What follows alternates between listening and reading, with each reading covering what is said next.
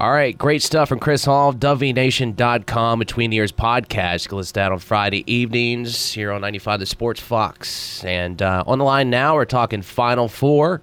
Uh, some exciting games this past weekend. Some fans not, of course. That's the way it goes. But we got USA Today bracketologist Shelby Mast on the line. Shelby, welcome back to the program, my friend.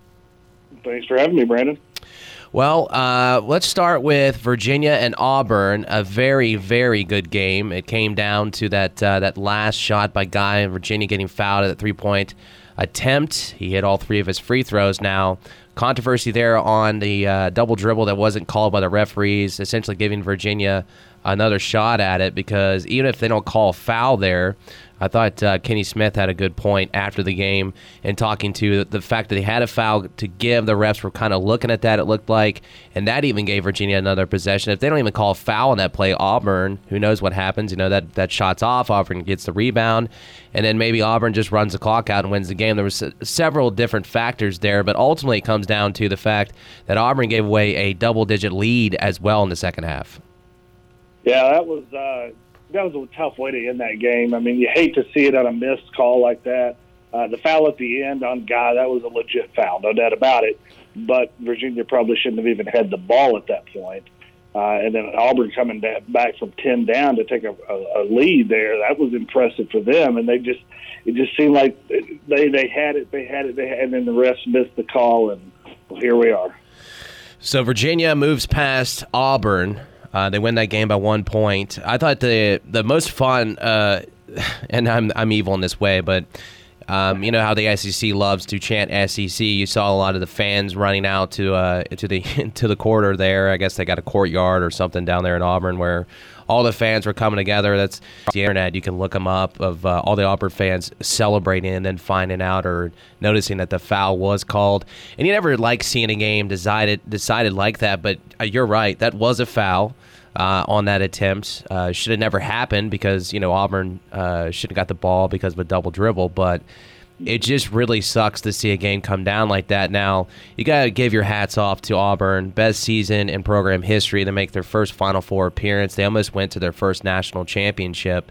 Bruce Pearl, I mean, if you, I don't really care for the guy. I think he brings a lot of baggage with him. Maybe he's learned his lesson from previous stops and, and some of the things that he's done. But uh, hopefully, that's a clean program over there. That's all I got to say. Yeah, I, I, you hope so. And uh, the fan reaction videos, those are fun to watch, but they're heartbreaking uh, in the same sense. I don't know if you saw the video of Barkley watching it at the end there while he was at the game.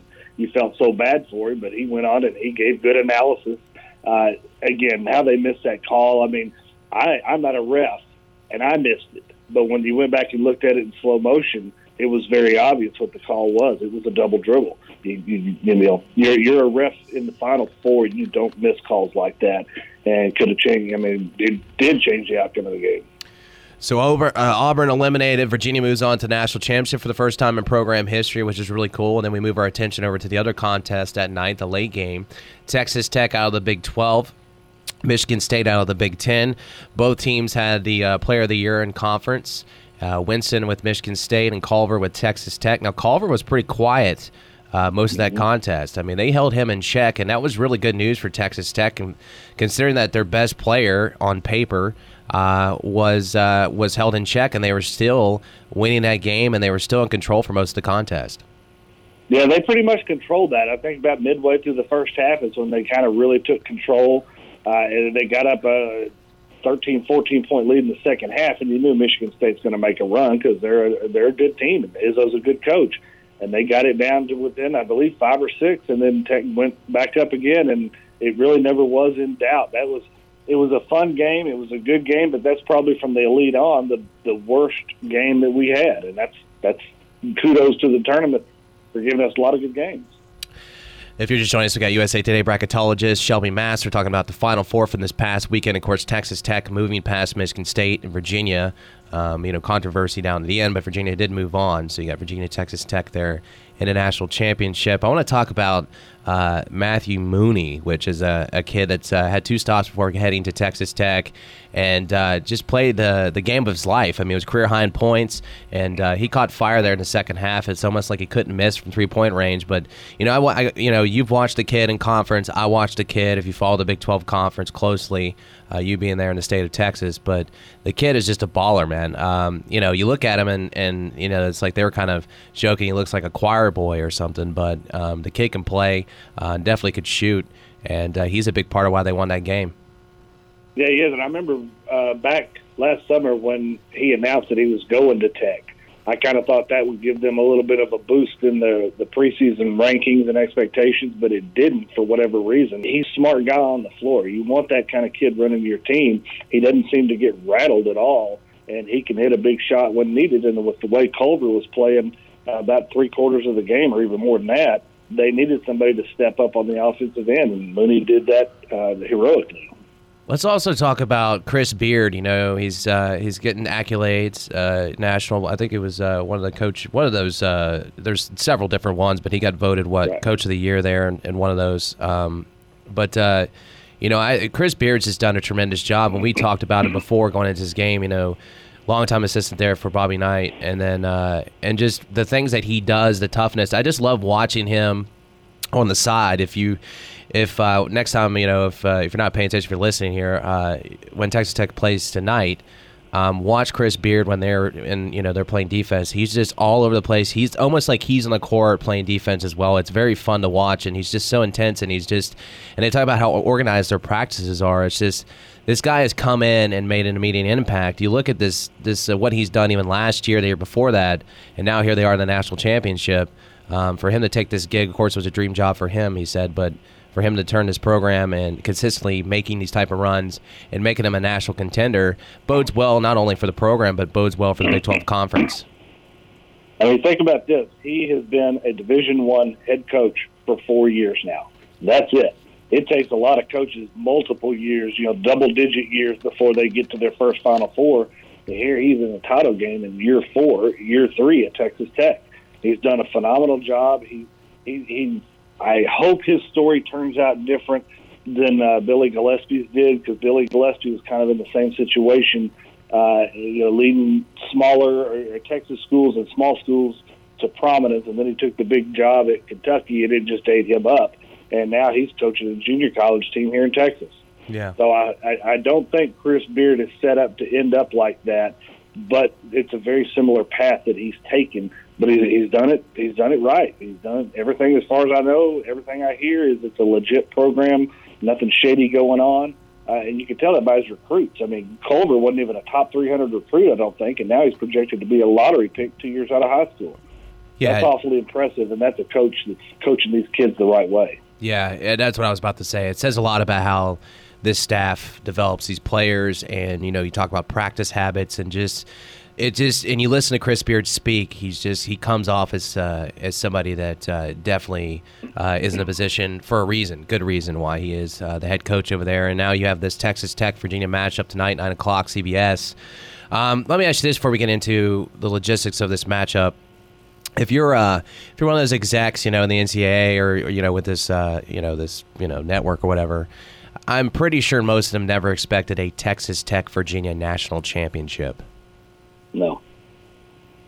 So and, the, and the, the, the, they're worried about a ratings hit. I mean, the, the basketball fans are going to watch no matter what. Yeah, you're going to get a few extra fans out in Lubbock. Lubbock is not a big TV market. Virginia's got the East Coast fans, but there are plenty enough casual fans that want to see this. I think. I mean, not that they clamored for it, but this is a this should be a good matchup. It's going to be an ugly game. It's going to be a defensive battle.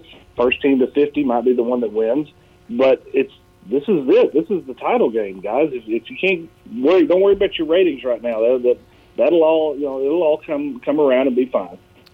Yeah, this is uh, if you're looking for a lot of offense, and look, we could probably, and we may, you know, a lot of times we talk about some of these games and we're going, well, it's going to go this way, and it can go the complete opposite. But um, if you're looking for a lot of points, this is probably not the game to watch. This is when you're when you're talking about some defense. Uh, we talked about that. All four of these teams head into the Final Four as far as defense was concerned. Some of the top in the country uh, as far as statistically. So this was a, a, a defensive uh, dominant uh, Final Four. Um, you know, these teams can't score when they want to. You've seen that. Of course, that's the only way you're going to win. You got to outscore your opponent. But at the same time, a lot of these teams' defense leads to offense, and that's both of these teams here in Virginia and Texas Tech. Ultimately, what are some keys from each team that you're looking at uh, as far as trying to to, to grab that win? What are some keys for Virginia? What's some keys for Texas Tech to grab the uh, the national championship? Well, I think for both of them, I think three point shooting is going to be big. Tech, uh, evidently, this tournament evidently has had a re- the record for most three point shots made in the in the tournament all time. That's that's kind of shocking to me. But uh, both these teams can shoot the three. Kyle Guy and, and Mooney, both those guys, it seems like whenever they want to hit one, they're going to hit one. Uh, you, you, I think it's going to come down to free throw shooting. Um, you know, there's not going to be. I don't expect there to be a ton of fouls. Both these teams play pretty clean, but I think some free throws at the end might be the difference. Uh, you don't want Kyle Guy if you're Texas Tech. You don't want him on the line. If you're Virginia, you do. Uh, I think it's just it's going to be a tough defensive battle. I'm leaning towards Tech winning, but man, I just I don't know. It's going to be so close. I'm not sure. Yeah, and I, and also I th- what's interesting about both these teams for different ways that they got here, obviously. And I thought Virginia had the easiest path to even get to the national championship, even easier than Duke. And I think I told you that um, the outright number one Duke. I thought Virginia, and not that it was easy. I'm just saying as far as the matchup wise, things kind of panned out pretty well there at the top of uh, that region. So, um, but you know, Virginia, this might be one of their tougher games um, outside of Auburn. But you know, this may be one of their tougher games uh, right here in the national championship. And you're dealing with a team in Texas Tech. I think has been playing with a chip on its shoulder. I, I think it got even bigger from the Big 12 tournament loss against West Virginia. But you know, this is a team that was picked seventh. Uh, in the Big 12 preseason media poll, which you know you could take that whatever, however you want, but you know this team definitely has a chip on its shoulder. And Virginia, also in a way because Virginia got kind of lost in a shuffle with this whole Duke hype, and a lot of people thought North Carolina was also a team that could make it to the national championship. So both these teams kind of come in for different reasons. Uh, you know, first ever national championship appearances, but also they've had kind of these storylines leading up to this moment. Yeah, one thing with Virginia, they're really lucky to be here. I mean, that Auburn game, that, that missed call, that sends them to the championship game. The game before that against Purdue, they needed kind of a miraculous three quarter court pass to Diakite at the free throw line to hit a shot at the buzzer to send it to overtime against Purdue. They could have lost that one easily. And then you look at Tech; they've won every game by ten points or more. That I think that's I think Virginia's luck might be running out right now. Uh, again, they're lucky to be there. They're a good team, no doubt. They they've earned it, but they've had too many close calls, and at some point that's going to come back to bite them. I think, but Tech hadn't been pushed yet, so if they get in a close one, that could be something to watch. I'm going Texas Tech in this one, and let's say let's say that Texas Tech wins a national championship, and we were kind of talking off air. I saw you put up a status as well on Facebook and stuff um, about you know Texas being this football state as everybody wants to talk about, and of course Texas Longhorns made it to the Big 12 uh, you know championship game in football thanks to uh, West Virginia choking at the end of the season. Um, But uh, but but then you're looking at Texas, where you know where they're representing um, the Big 12 conference in basketball very well. You look at Baylor's women's team just won a national championship. Uh, Texas, uh, speaking of them, won the NIT men's team, and then you look at now Texas Tech has the opportunity to win the national championship. I mean, the Big 12 conference, outside of the fact it didn't get a lot of attention as a whole when it came to hoops this year, um, looks like it panned out pretty well for everybody. Well, the big saying down here in Texas is there's two seasons. There's football season and spring football season. you don't find hardly any mention of basketball anywhere, but we've got some good teams. We've got some good players. I mean, Shaquille O'Neal's from Texas, so there you go.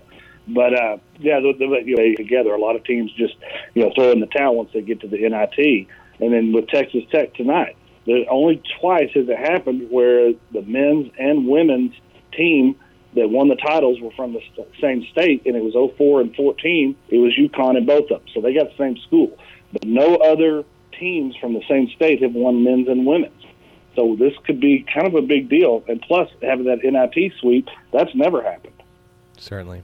Shelby, appreciate your time. Uh, national championship tonight at 9 o'clock on CBS, Texas Tech and Virginia. Hopefully, the Big 12 can grab another national championship uh, to its uh, added a notch to its belt, along with Baylor's women's team. And of course, that NIT as well is nothing to sneeze at. So, Big 12 uh, basketball definitely in a good place. And uh, man, enjoy that national championship game, man.